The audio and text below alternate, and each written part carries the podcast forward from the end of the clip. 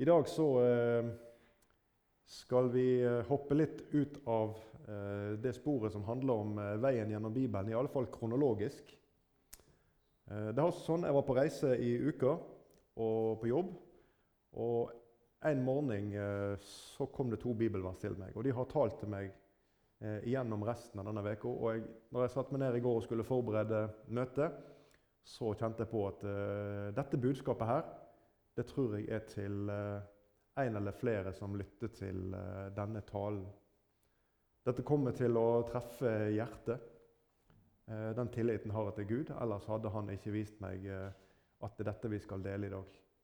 Vi skal lese to vers sammen først. og Vi leser fra Jakobs brev, kapittel 5, og vi leser vers 17 18. Elia var et menneske under samme kår som vi. Han ba inntrengende om at det ikke måtte regne i tre år, og seks måneder regnet det ikke på jorden. Og han ba igjen, og himmelen ga regn, og jorden bar sin grøde. Herre Jesus, må du åpenbare disse ordene for oss. Herre, jeg ber om at du skal la disse ordene gå til hjertet, Herre, for oss som nå lytter til.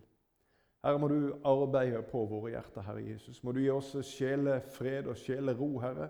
Hold den vonde borte, Jesus, og la oss få se inn i dybden av det du har sagt oss her. Hjelp oss, Herre, å forstå disse tingene som handler om bønn og svar. Amen. Vi må se litt på den historiske foranledningen til disse versene her. Når Elias blir eh, profet, eh, og foranledningen til at han blir profet i Israel eh, og Vi kan ikke spole gjennom hele foranledningen, men litt sånn i nær, nær tid eh, i forhold til, til, Elia. i alle fall.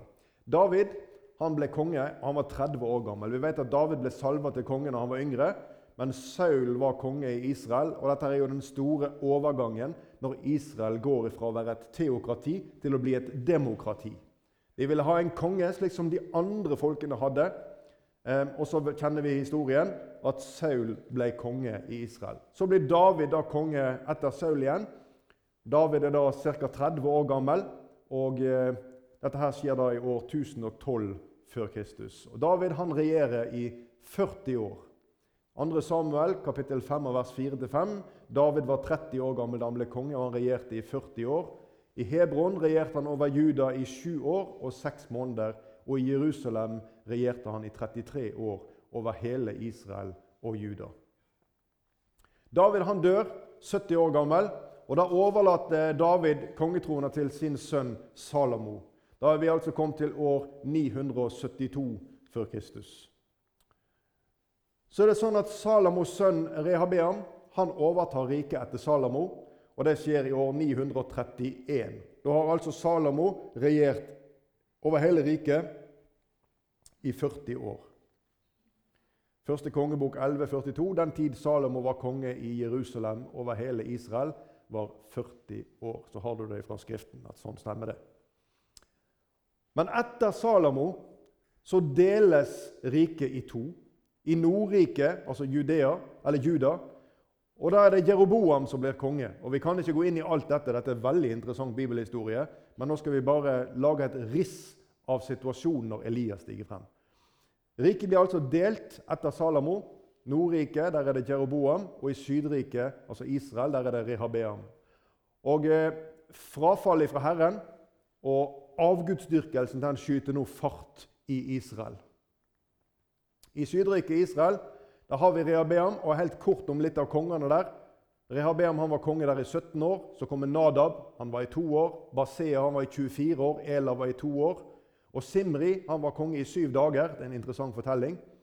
Og Omri han var konge i tolv år. Og så kommer vi til Akab, som blir konge i år 874 før Kristus. Og Hvorfor forteller jeg alt dette? Jo, ifra Davids død i år 972 før Kristus til Akab blir konge i år 874 før Kristus, er det altså korte 100 år. 98 år går det ifra David dør og til Akab blir konge. Og Det som er interessant, er når Elias stiger fram som profet og ser på hva som har skjedd i dette landet i løpet av disse 100 årene. Ifra det kongedømmet som var under David, den gudsdyrkelsen som fant sted, og også eh, under Salomo til det som nå er et Israel som er i full avgudsdyrkelse. Elia han blir profet i Israel fra år 882, altså fire år før Akar blir konge. Nå må vi huske at vi regner motsatt vei her, siden det er år før Kristus. Om kong Akab så leser vi om den veldige ugudelighet som fantes over han. Og Nå er vi altså i Elias sin samtid. Første kongebok 16 og vers 30 pluss vers 33 skal vi lese. Akab, Omris sønn, gjorde det som var ondt i Herrens øyne, enda mer enn noen av dem som hadde vært før ham. Og vers 33. Akab laget også et astartebilde han gjorde enda mer for å vekke Herrens, Israels Guds harme. Han bar seg verre at enn noen av dem som hadde vært konger i Israel før ham. Nå må vi tenke at vi er i et lite hundreårsperspektiv ifra David til Akab. Og vi er gått ifra et folkeslag som er opptatt med gudsdyrkelse av den levende Gud i himmelen, til et folk som har vendt seg bort ifra Gud som har vendt seg bort ifra loven, skriftene, profetenes ord, og som har hengitt seg til dyrkelse av Baal og Astarte. Det skal vi komme litt tilbake igjen til. Og Elia han stiger frem for kong Akab. I første kongebok 17 og vers 1 så leser vi Og til spitten Elia, en av dem som var flyttet inn i Gilead, sa til Akab, så sant Israels Gud lever. Han som jeg står ansikt til ansikt med, det skal i disse årene ikke komme dugg eller regn uten etter mitt ord. Da er vi tilbake igjen til de versene vi begynte med fra Jakobs brev kapittel 5. At Elia var et menneske under samme kår som vi, og han ba. Og vi leste at det regna ikke på tre år og seks måneder. I første kongebok kapittel 18, altså ett kapittel bak der, og i det første verset igjen, så er det altså gått tre år. Og Det ville være interessant om vi skulle ta litt mer tid i kapittel 17 og fortelle mer om Elia, men det får vi la ligge til en annen gang. Det er ikke det denne teksten handler om i dag. Vi går frem til første kongebok 18.1. Lang tid deretter, i det tredje året, kom Herrens ord til Elia. Og det lød så.: Gå og tre fram for Akab så vil jeg sende regn over jorden. Nå skal vi huske på at det som har skjedd etter at Elia har sagt til Akab at det skal ikke komme regn over Israel, så har det nå gått tre år. Kongen har sendt ut eh, folkene sine for å lete etter beitemarker, for å mulig å finne steder hvor det kan finnes vekster på marken som dyrene kan spise av. For å finne vann til buskapen som de kan leve av. Og det er et veldig hat som har oppstått overfor Elia. Og Elia han får skylda for at situasjonen er blitt sånn som den er. Det skal vi også komme tilbake til. Og midt i alt dette, at Elia han oppholder seg borte fra kongen, borte fra disse menneskene som på en måte står han etter livet, så kommer altså Herrens ord til Elia. Og så lyder det sånn Gå, tre dager, eh, gå tre frem for Akab så vil jeg sende regn over jorden. Du minnes kanskje Guds ord til Jonah om å gå til Ninive. Og den store profeten som vi noen ganger smiler litt av, som går ned og prøver å ta en båt til et annet sted og tenker at da gjemmer han seg for Gud. Elia får også et sånt bud ifra Herren. Gå og tre frem for Akab. Midt i all ugudeligheten, midt i at de står han etter livet. Gå, Elia, og tre frem for han som du ser på som en trussel for ditt eget liv. Og så kjenner du fortellingen, iallfall vi som sitter her i arken i dag, om Elias på Karmel, alene imot 450 Balsprofeter og 400 Astarte-profeter, foruten alt folket. Så kjenner du Elias som står alene imot alt dette. Du kjenner beretningen om hvordan de bygde dette alteret for, for Bal, disse Balsprofetene. Hvordan de la veden til rette oppå der og offerdyret. Og hvordan de bar seg at rundt dette alteret for å få Bal til å komme og tenne på. For det var det som var avtalen Elia hadde gjort med dem. Den som er Gud, den Gud som virkelig er Gud, han skal sjøl tenne på offeret sitt. Og Så kjenner du beretningen om Elia som etter at disse hadde holdt på i lang tid, og ingen svarte og ingen hørte, at Elia han lagde sitt offeralter og helte vann over det hele, over veden, og lagde en grøft rundt alteret hvor de fylte vann i. Og Så ber Elia til himmelens Gud, og så kommer Gud og griper inn. Det kommer ild fra himmelen og tenner Elias' offeralter. Du, du og jeg Vi leste i Jakobs brev 5, 17-18. Elia var et menneske under samme kår som vi. Og Det slo meg denne morgenen da jeg satt på hotellrommet og leste dette verset. Under samme kår som vi. Når jeg leser i Det gamle testamentet, og kanskje du har det sånn òg, så synes det så lenge siden. Det synes så perifert, det synes så langt borte siden. Men Paulus han har latt skrive til oss i romerbrevet om at de ting som før er skrevet, det er skrevet oss til lærdom, for at vi skal ha trøst ved det håp, håp ved det trøst som Skriftene gir. Og det er viktig for oss. Det er viktig for oss å kjenne disse skriftene, det er viktig for oss å forstå disse historiene. For Elia han var et menneske under samme kår som vi.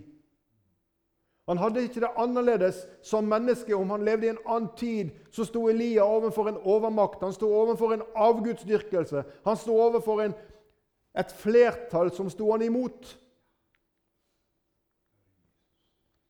Du, Den tidsånden som fantes den gang, den tidsånden finnes i vårt eget land i dag. Og vi kan stoppe litt for disse to gudene, Bal og Astarte. Du, Bal det er selve fruktbarhets- eller jordbruksguden, om du vil. Det er han som sørger for at eh, innhøstningen kommer på plass. Det er han som de tilber og tenker at det er han som sørger for tidlig regn og senregn. Det er han som gjør at vekstene vokser og blir friske. Det er han som gjør at de kan høste inn. Det er han som sørger for rikdom. Det er han som gjør at folket blir velstående. Det er denne guden Israel nå ber til. Og så Astarte, da. Vi kunne ha sagt mye om disse to, men det skal vi bare helt kort beskrive. En himmelgudinne som er en slags eh, symbol, en gudinne som handler om kjærlighet, som handler om fruktbarhet imellom mennesker, men også som er en krigsgudinne. Finnes det noen fellesnevnere her? Ja visst gjør det det. Hvis vi ser litt på Guds bud og forordninger i denne tiden som Elias står fram, så er de tilsidesatt. Og de er erstatta av tidens rikdom og av sanselig begjær og av egoisme. Og jeg vil spørre deg hvordan ser du det i vårt eget land i dag? Det slo meg der jeg satt om morgenen og leste dette verset. Du, Velstand og rikdom har gjort sitt inntog i våre hjerter. Og det er ikke noe galt i rikdom. jeg vil ikke si det. Du skal ikke tenke deg at du er et syndig menneske du som har blitt rik på denne verdens rikdom. Det handler ikke om det. Men det handler om ditt hjerteforhold til Jesus. For det hjertet er fylt av det taler munnen, leser Bibelen. Og det bør være en god målesnor eller et målepunkt på hvordan hjerteforholdet ditt og mitt er til Jesus. Hva snakker jeg om i møte med de andre? Hvordan preger Jesus mitt liv? Er han viktig for meg? Eller har denne verdens rikdom gjort et slikt inntog at all min tid og mitt fokus det handler om det som en gang skal forgå? Og Vi kunne ha stansa lenge ved himmelgudinnen Astarte og sett litt på det som Norge i dag kaller for kjærlighet. Vi kunne ha snakket om pride, og vi kunne ha snakket om homofile og, og lesbiske ekteskap. Vi kunne ha snakket om mange ting. Ting som strider med Guds bud. Ting som er galt i henhold til Guds ord, men som finner veien inn i kristne forsamlinger. Jeg snakker ikke om verden som står ut forbi. Jeg snakker om oss som er Guds folk. Jeg snakker om hvordan disse tingene preger våre hjerter. Og jeg snakker om en manglende vilje eller manglende mot til å ta et oppgjør med det som strider med Herrens forordninger. Og så lurer vi på hvor er velsignelsen? Kjære deg som hører dette. Dette er ikke en anklage over deg og ditt liv. men en bevisstgjøring i forhold til konsekvensene av å forlate Guds forordninger. For du skjønner, det går på bekostning av et kraftfullt, personlig kristenliv. Mitt hjerte det må være helt med Herren. For Ellers så når jeg ikke frem. Jeg får ikke det samfunnet med ham. Du skal merke deg at når Jesus vasker disiplenes føtter, så sier Jesus til, dem, til Peter, som protesterer Og hvis jeg ikke vasker deg, Peter, så har du ingen del med meg. Du har ingen del, Peter. Du har ikke noe samfunn med meg. Og Vi kunne snakket om vaskekaret i den gamle pakt som står foran tabernaklet, der prestene vasker seg før de går inn til gudstjenesten. Hvorfor det? Jo, for å vaske av denne verdens urenheter. Og vaskevannet, ja, det er Guds hellige ånd. Som skal stryke ut og ta bort denne verdens smuss slik at vi kan få komme inn i et samfunn med Herren og få oppleve hvordan det er når du kommer inn der i tabernakel, du som hører Jesus til, som er utnevnt som prest for Herren. Og komme inn der og få stå i lyset av den syvarmede staken. Som kaster lys over alt som er der inne. Som kaster lys over røkofferalteret, et bilde på de helliges bønner som stiger opp som kaster lys over skuebrødsbordet, der de tolv brødene ligger der foran lysestaken og blir bestrålt av det himmelske lyset. Et bilde på Jesus. Alt sammen foran den hellige Guds allmektige alter, som er der inne bak forhenget. Og halleluja, i dag så dette forhenget åpent, og vi har veien åpen like inn. Fellesnevnere i vår tid. Bal og Astarte. Du, Elias, han var forfulgt. Han var forhatt, og Elias han var blitt gitt skylden for landets uføre. Vi leser konge, første kongebok, eh, kapittel 18, vers 17. Her har vi Elias i møte med kong Akab. Med det samme Akab fikk se Elias, sa han til, Israel, sa han til ham, er det deg, du som fører ødeleggelse over Israel? Elias, det er din skyld at ikke det regner. Det er din skyld, Elias, at avlingene har slått feil. Det er din skyld, Elias, at budskapen ikke overlever. Det er din skyld, Elias, at velstanden uteblir. At ikke vi har den rikdommen vi er vant til å ha. Elias, vi er svake. Vi står oss ikke mot våre fiender slik som det en gang var. Elia, det er din feil.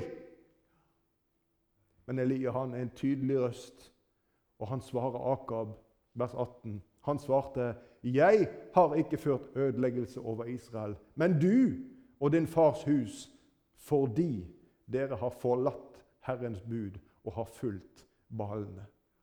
Elias han er modig. Han peker på selve årsaken til at tilstanden er som den er. Du, Bal i vår tid finnes han? Jesus han forteller en lignelse om såmannen som er ute og sår såkornet. Og du kjenner gjerne fortellingen. Og Noe av det kornet som, såkornet som Jesus taler om, det faller iblant torner. Og Jeg vil lese det verset fra Matteus 13, 22. Men den som blir sådd blant torner, er den som hører ordet. Men tidens bekymring og rikdommens bedrag kveler ordet, så det blir uten Her er det ikke tale om de som ikke hører ordet, men her er det tale om de som faktisk hører ordet. Her er ikke det bare tale om verden som står ut forbi og som har sagt nei til Gud i sitt hjerte. Her er det snakk om både verdslige, men også troende som er eksponert for å høre ordet, men hvor tidens bekymring og rikdommens bedrag kveler ordet, så det blir uten frukt alvorlig. Jeg må få spørre deg Har Gud forandra seg siden vi tenderer til å sette tilliten vår til det konkrete, det vi kan ta og føle og se med våre øyne? Er denne tilliten blitt til disse tingene? Erstatter den på en måte den tilliten som vi har til en usynlig Gud? Er den rikdommen som du kan holde i dine hender, mer å sette sin lit til enn ordet om en levende Gud som du kan lese om i Bibelen? Ja, jeg spør. Hvordan er det med disse tingene som er mer abstrakte for oss? At vi ber til en Gud som ikke vi kan se. At vi ber til en Gud som har sagt at det finnes en himmel der ute et sted som ikke vi vet hvor er henne. Som har sagt at det finnes en fortapelse som ingen av oss levende har noe annet forhold til enn at vi har lest om at det er et forferdelig sted. Og Bibelen forteller om en evighet enten der eller i himmelen. Vi leser om en, om en Gud Jesus beskriver en Gud som hører våre bønner i himmelen. Som strekker sin arm ned, som bøyer sitt øre til og hører. Er disse tingene så abstrakte i relasjon til de konkrete tingene vi har i våre hender, at disse tingene kommer i ubalanse for oss verdimessig? Hvem er Jesus for deg, du som hører på dette her i formiddag? Hvor er hans plass i livet ditt? Og hvilken tillit har du faktisk til Jesus? Du minnes fortellingen om den rike dåren. Du minnes han som så på avlingen sin, og den var så stor, og så sa han til seg sjøl Nå vet jeg hva jeg skal gjøre. Jeg skal rive ned låvebygningene mine, og så skal jeg bygge mye større. Der skal jeg samle alt mitt gods. Og når jeg har gjort det, da skal jeg si til min sjel Sjel, hvil, lev og ha det godt. Nå kan du nyte. Men Gud sier til ham, du dåre, i denne natt så tas ditt liv ifra deg, og hvem skal så ha alt det du har samla? Du skjønner, denne verdens rikdom er forgjengelig.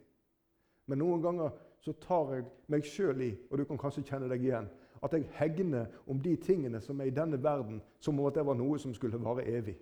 Men det er det ikke, min venn. Og det er det bare djevelen som får oss til å tenke. Gud vil jeg skal være et solskinnsbarn og lyse for ham hver dag. Det sang vi med barna her før de gikk ut på søndagsskolen. Og hva har skjedd med det perspektivet i ditt og mitt kristenliv? I møte med en verden som er helt av skinnegangen i forhold til det Bibelen sier. Og vi kunne gått inn på mange ulike verdispørsmål. I møte med mennesker som lurer på hvor Guds velsignelse og Guds kraft over livet blir av, samtidig som en lever på tvers av Guds forordninger. Hvordan kan det være sånn? Du, Det er ikke mye annerledes enn det var med den rike dåren. Og budskapet fra himmelen er det samme. Du dåre. I denne natt tas ditt liv ifra deg. Hvem skal så ha alt det du samler? Dette er liv, og vi omgir oss med her. Det er forgjengelig. Ikke glem det. Elia, vi leste i Jakobs brev, han var et menneske under samme kår som vi. Men Elias sitt valg det var samfunn med Gud. Og Som en konsekvens av det valget Elia tok om å ha samfunn med Herren, så talte Herren med han. Halleluja. Og La meg bare få si til deg at slik er Herren fremdeles. Den som vil ha samfunn med Jesus, han får oppleve at Jesus ved sin ånd taler til hjertet. Det har ikke tatt slutt, dette fenomenet som vi leser om her. At Herren talte med sin profet. At Herren talte med sitt barn. Det gjør han fremdeles. Han vil åpenbare seg i ordet sitt for den som vil være i hans nærhet. For den som vil ta turen om vaskefatet og gå inn i samfunnet med Jesus for å være litt billedlig. Elias han kjente Herren, og han frykta han mer enn mennesker. Og Elia han kjente Herrens vilje. Og han handler etter den. Elia handler på Guds vilje. Og Elias' sin tillit til Herren, ja, den overgikk det konkrete. Den overgikk opplevelsen av trussel fra kong Akab. Opplevelsen av å stå i mindretall bak 450 Balsprofeter og 400 Astarte-profeter den var større, denne tilliten han hadde til Gud, enn alt dette som kunne synes så overveldende for Elia. Og hvorfor det? Jo, for Elia, han kjente Herren. Elia kjente Herren. Han hadde samfunn med Herren. Han visste at han var trygg i Herrens hender.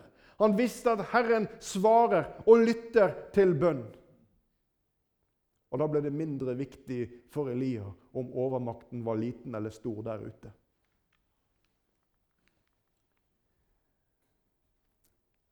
Elia var et menneske under samme kår som vi, leste vi. Han ba inntrengende om at det ikke måtte regne, og i tre år og seks måneder regnet det ikke på jorden. Du, Elias' bønn det er et oppgjør med Bal og Astarte i hans samtid. Det er et oppgjør, det er en bønn om at det skal skje et skille. Det er Elias' nidkjærhet for Gud og nød for et folk som lever på avstand med Gud, som gjør at Elias påkaller himmelen. Og bønnesvaret som Elias får, ja, det rokker ved selve fundamentet i alt det som folket i landet har satt sin lit til. Det rokker ved velstanden som folket lever i. Det rokker ved stoltheten og egoismen, og det rokker ved deres liv etter egne lyster. Og det rokker ved deres forståelse av at Gud ikke fins, eller at han ikke bryr seg. For når Gud setter strek, så hjelper det ikke hva mennesker ønsker eller vil. Hvem kan sette seg opp imot Herren eller Hans makt? Du, vannet, selve livsgrunnlaget, det uteblir her. Og kong Akab og folket hans får smertelig erfare hvordan det er når Gud billedlig talt skrur igjen ventilen. Da hjelper det ikke lenger med menneskelig vilje eller menneskelig styrke. Og Denne situasjonen den gjentas flere ganger gjennom historien og gjennom bibelhistorien. Jeremia han, han forteller, Vi kan ta med ett eksempel. Han forteller om dette. Jeremia 2, og vi leser vers 13. Også etter frafall. For to onde ting har mitt folk gjort. Meg har de forlatt, kilden med det levende vann, og de har hogd seg ut brønner Sprukne brønner som ikke holder vann. Vet du hva, Vi kunne hatt bibeltime om dette ene bibelverset her i dag. Men disse tingene de, de har rørt mitt hjerte gjennom denne uka som har gått. Og jeg kjenner her jeg står at det rører fortsatt sterkt ved mitt hjerte. To onde ting. Meg har de forlatt. Avstand til Gud. Avstand til Hans ord. Avstand til de ting som han har sagt er rett eller galt. Og egen vilje til å leve etter eget forgodtbefinnende. Og det andre kilden med det levende vann, altså Gud, har de forlatt. Og så har de hogd seg ut brønner, sprukne brønner som ikke holder vann. Alternative kilder til drikke ifra den levende kilde som Gud vil gi. Det er Ved brønnen i Samaria, sykehursbrønn, der møtte Jesus ei kvinne. Og Det er et vers som jeg har sitert tidligere her i arken, men vi leser det igjen i Johannes, 10, eh, Johannes 4, vers 10. Jesus svarte og sa til henne, Kjente du Guds gave? Og visste du hvem det er som sier til deg, Gi meg å drikke? Så hadde du bedt Han, og Han ville gi deg levende vann. Og jeg må få spørre deg igjen hvem er Jesus for deg som hører på dette?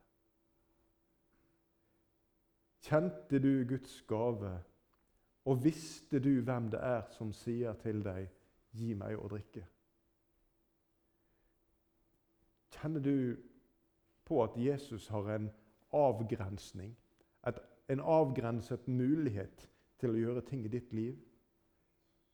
Bærer du på en tanke om at han ikke kan endre på ting for deg.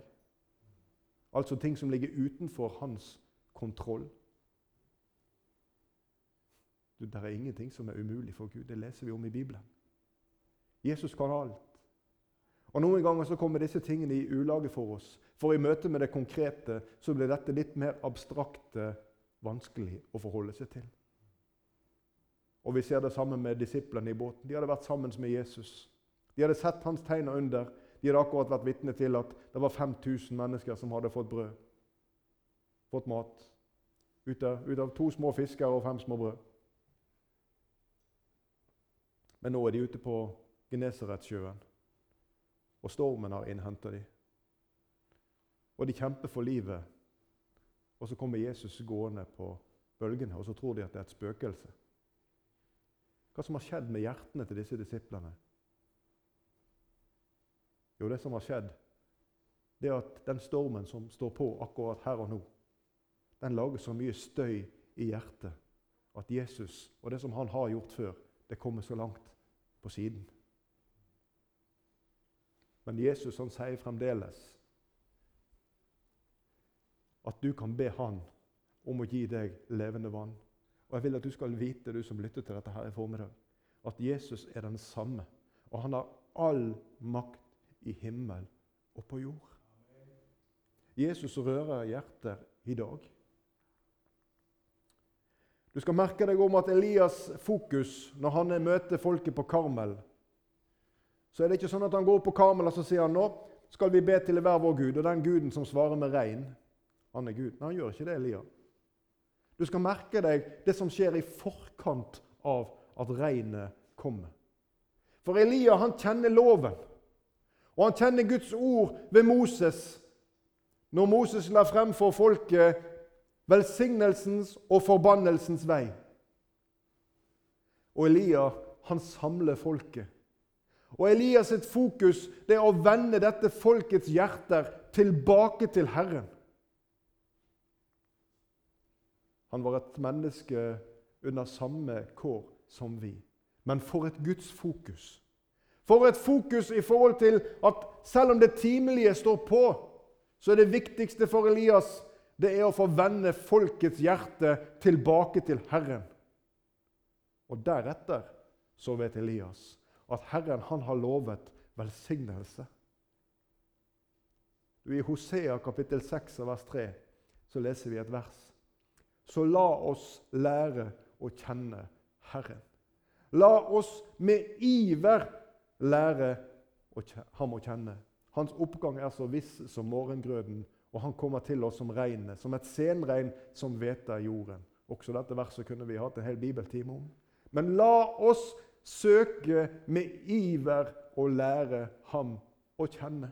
Jesus ønsker å gripe ditt hjerte, min venn. Jesus ønsker et dypere samfunn med deg. Jesus ønsker å vise deg hvem han er. Jesus ønsker å understreke sin betydning utover frelsesperspektivet. Jesus ønsker å legge sitt oppdrag inn i ditt hjerte, så du kan få være en Elias i vår tid, du som tror på Jesus. Gå derfor ut i all verden, sa Jesus. Det var ikke sånn hvis du får litt tid til overs når du er ferdig med alt det andre du skal gjøre. Misjonsbefalingen leser vi om. Om å vitne for naboer og kolleger og familier og mennesker som vi møter på vår vei, som står utenfor fellesskapet med Jesus. Salme 139, vers 23. Ransak meg, Gud, og kjenn mitt hjerte. Jeg vet ikke hvordan det er med deg, men denne bønnen har jeg mange ganger måttet bedt. Herre, kan du rydde ut der alt det som, er, det som er til hinder for at jeg kan få et helt hjerte med deg? Kan du rydde ut der, sånn at jeg kan på noen måte få lov til å være et redskap for deg, sånn som du hadde tenkt? Og Noen ganger så gir det konsekvenser å be sånn bønn for Jesus. For det kan hende han rører ved ting i livet ditt eller mitt som vi egentlig setter veldig pris på å ha der. Men som han ser at for at hans gjerning skal skje, så må han ta det bort.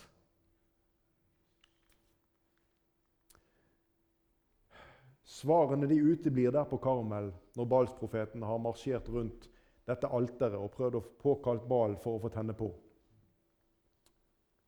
Første kongebok 1829. Men det var ingen røst å høre. Og det var ingen som svarte, og ingen som aktet på dem. Stakkars folk. Men Elias han retter fokuset imot Herren. Første kongebok 1830. Da sa Elia til folkemengden, 'Kom hit til meg.'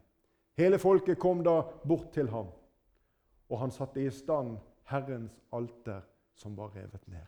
Halleluja. Når folket har ropt seg trett og har gått rundt alteret og er fortsatt i en like begredelig tilstand som de var, så er det som om at det finnes trøst i Elias' ord når han sier 'Kom hit til meg'. Elias han ber ikke om, om fokus på seg og sin person, men Elias han vil vise dette folket noe. Og det han viser dem, det er det vi leser om her. Han satte i stand Herrens alter, som var revet ned. Elias han gjenetablerte selve fundamentet for fellesskapet med Gud. Dette folk, dette må være på plass. Nå skal jeg vise dere mer hva Gud kan.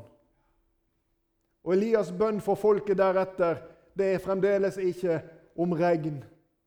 Men hør Elias' ord, kapittel 18, vers 37, der er første kongebok. Svar meg, Herre. Svar meg, så dette folket må kjenne at du, Herre, er Gud, og at du nå vender deres hjerter tilbake til deg. Du, Det er svaret på denne bønnen vi hører her. Det er den som gjenoppretter folkets erkjennelse om at Herren, han er Gud. Det var ikke slik at da åpna Gud himmelens sluser, og så kom regnet ned, og så kom veksten og velstanden tilbake igjen. Og så begynte folk å tenke at det finnes kanskje en Gud. Nei, Gud svarer, og han gjør det som ingen andre enn Gud kan. Han lar ild fare ned fra himmelen, og han tenner på offeret, offeralteret og veden som ligger der, og lar det brenne alt sammen, og vannet som er i grøfter rundt forbi, som Elias har helt inn, det slikker flammene opp. Folket får se at det er en levende Gud, og folket vender seg til Herren med sine hjerter på nytt. Da falt Herrens ild ned og fortærte brennofferet og veden og steinene og jorden, og slikket opp vannet som var i grøften. Og hele folket så dette. De falt ned på sitt ansikt og sa, Herren, han er Gud. Herren, han er Gud. Det er en bønn i mitt hjerte om at du er jeg som lever med Jesus, Og for å fare frem med et sånt vitnesbyrd. At mennesker i møte med Guds sanksjoner i sitt eget ord blir en erkjennelse som dette. Herren, han er Gud. Herren, han er Gud. Så leste vi i Jakobs brev 5 og vers 18 om Elia. Og han ba igjen og himmelen ga regn, og jorden bar sin grøde. Vi er tilbake igjen i første kongebok, og vi skal lese vers 41-46 om nettopp denne hendelsen. Så sa Elia til Akab, gå nå opp og et og drikk, for jeg hører suset av regn. Det var fremdeles skyfri himmel i dette landet denne dag. Det var like tørre avlinger og like lite håp. Men de hadde fått sett et Guds under der på Karmel. Og så sender Elia kongen av gårde. Gå nå opp og et og drikk, for jeg hører suset av regn. Da gikk Akab opp for å ete og drikke. Men Elia gikk opp på toppen av Karmel og bøyde seg mot jorden med ansiktet mellom knærne. Så sa han til tjeneren sin, gå opp og se mot havet. Gutten gikk opp og så utover, men sa, det er ikke noe å se. Sju ganger sa han, 'Gå dit igjen'. Sju ganger så sender Elia tjeneren sin, så han får se utover. Og han sender han av gårde alle disse gangene. Og den sjuende gangen, leser vi her i vers 44, sa gutten, 'Se, en liten sky, så stor som en manns hånd, stiger opp av havet.' Da sa Elia, 'Gå opp og si til Akab, spenn for og far ned, så ikke regnet skal hindre deg.' Og i en håndvending mørket himmelen til med skyer og storm, og det kom et sterkt regn, og Akab kjørte av sted og for til Israel. Og han ba igjen. Elia ba igjen. Et menneske under samme kår som vi. Med timelige bekymringer, med mangel på mangt og meget med motgang, med folk som sto han etter livet. Kanskje ikke vi hadde fulgt så ille. Og han ba igjen, midt mellom alt dette. Og himmelen gav regn, og jorden bar sin grøde. Hvordan er det med din og min tillit til Gud?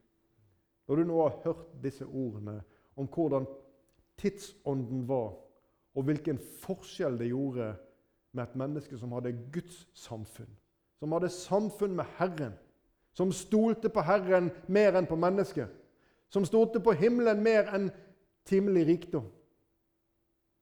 Og den forskjellen det gjorde. Hvordan er det med din og min tillit til Gud, eller til bønn? Svarer Gud fremdeles på bønn som han gjorde i Elias' dager? Du, I Malakia kapittel 3 og vers 6 der leser vi en setning. Jeg, Herren, har ikke forandret meg. En levende Gud som i 2022, i september, bøyer øret til, som han latt skrive at han gjorde i fordums tid, for å lytte til ditt hjertes bønn. For å komme deg i møte, du som kjemper med motvind og bratt oppoverbakke i livet. For at du på nytt skal få erfare at Gud, han er Gud om alle mann går under. Jeremia 32, vers 27. Se, jeg er Herren, alt kjøds Gud. Skulle noen ting være for vanskelig for meg? Du, Elias' bønn, som er trukket fram her i det femte kapittelet i Jakobs brev. Hvis vi ser litt på konteksten, hvordan dette er plassert. Du som kjenner din bibel, har lest dette før, men jeg vil bare understreke at hvis du leser fra vers 7 til 12 i kapittel 5, så vil du lese om tålmodighet i lidelser. Det er det disse versene handler om. Og Når du kommer til vers 13 og leser til vers 16, så handler det om troens bønn.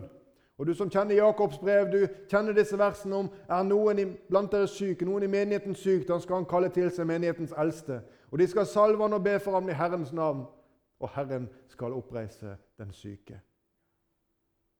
I Midt i denne konteksten så står Elias' bønn nevnt. I etterkant av disse to tingene, om tålmodighet i lidelser og om effekten av troens bønn. Og Elias' bønn den er et sterkt vitnesbyrd om utholdenhet, om tro på Gud og om mot til tross for vanskelige tider og omstendigheter. Og disse ordene som engel talte til Maria Kjære deg, de står fortsatt fast. Lukas 1,37. For ingenting er umulig for Gud. Ingenting. Bare smak litt på ordet. Dvel ved det, og trykk det til ditt hjerte. Grunn på det, slik som Maria gjorde etter hun hadde fått hørt på engelens røst, at ingenting er umulig for Gud. Ingen sykdom er for vanskelig for han å helbrede. Inget økonomisk utføre er for vanskelig for han til å reparere. Ingenting, verken timelige eller åndelige, er for vanskelig eller umulig for Gud å ordne. Jeg vil sitere en sang helt til slutt. Gud er på tronen ennå og han kommer sine i hu i prøvelsens stunder. Ja, tenk hvilket under, at aldri alene er du. Gud er på tronen ennå, og han kommer sine i hu, i hu. Og hør hans løfter til deg. Jeg skal ei glemme deg. Og Gud er på tronen ennå. Herre Jesus, og du hjelper oss, Herre, å holde disse tingene i det rette perspektiv. Og du hjelper oss å forstå, Herre, at du er Gud. Og du hjelper oss, Herre, at vi kan få forholde oss til deg, du som er vår himmelske Far og all jorden skaper, Herre. Du som skapte alle ting, og som opprettholder alle ting. Du som har alt i din hånd, Herre Jesus. At når vi henvender oss til deg og ber om at du griper inn i ting, Herre, så har du sagt nettopp det. At du har makt over alle ting. Hjelp oss å forstå, Herre, i dette perspektivet. Hjelp oss, Herre Jesus, med våre hjerter, Herre, som fester lit til de timelige ting. Og så uteglemmer vi, Herre, hvem du er. Tilgi oss, Herre. Og Herre, før oss inn i din nærhet. La oss forstå betydningen, Jesus, av å bli renset ved deg og få være i ditt samfunn og få oppleve sann velsignelse. Amen.